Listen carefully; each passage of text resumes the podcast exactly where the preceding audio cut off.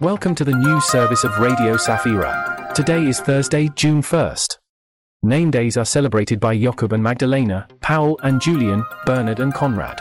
Accept warm wishes from Radio Safira. We are also celebrating International Children's Day. Dear little ones, this is your day. Through the kaleidoscope of history, we travel back to 1926. Ignacy Mościcki assumes the office of the President of the Republic of Poland. In 1937, Krakow receives its coat of arms. Meanwhile, across the ocean, in 1774, the British government closes the port in Boston. It is a result of the famous Boston Tea Party.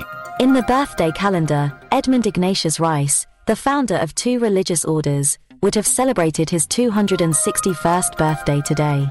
On the other hand, William Knowles, the Nobel Prize laureate and the father of the L-DOPA medication for Parkinson's disease, would have turned 106 today. News from Poland and around the world. The new issue of the magazine Zwiastun Ewangelicki is now available. This month, the articles discuss spiritual dilemmas and certainty. Clergymen emphasize the presence of God in our lives and the significance of conversion and being filled with the Holy Spirit. A section of the magazine is dedicated to spring gardening services in Radom and Kielce. The next episode of the series, What's the Point? explores the meaning of glory in worship. The magazine also addresses the topic of homelessness. Read about the Museum of Polish Reformation in Mikołajki as well. The Lublin Chelm Diocese and the Balingen Church District of the Evangelical Church in Württemberg are celebrating 30 years of ecumenical cooperation. Services, a scientific conference, and a concert of sacred music were organized.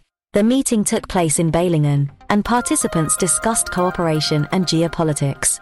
The celebrations concluded with a Thanksgiving service. Family Day was celebrated in the United Kingdom, bringing Polish families together for the past 13 years. The rector of the Polish Catholic Mission emphasized the importance of family integration and shared values. The ceremony also included the renewal of marriage vows. The next significant event will be the 6th World Congress of Polonia Families, this time in Gdansk. Towards Full Presence is a document from the Vatican's Dicastery for Communication. The call encourages reflection on the involvement of Christians in the digital sphere.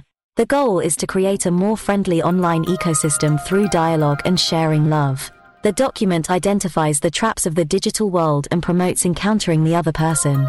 Christians are called to create healthy and supportive online communities, propagating a style of sharing and witnessing their faith. Digital communication can become a space of communion founded on love and mutual understanding. Jewish organizations in the USA applaud Biden's strategy in combating anti Semitism. The plan involves collaboration between various government agencies and social organizations to fight discrimination and violence against Jews. Education and strengthening the security of Jewish organizations are included in the plan. Hate speech on social media will be prosecuted. The initiative is appreciated for its comprehensiveness and concrete actions. United Kingdom.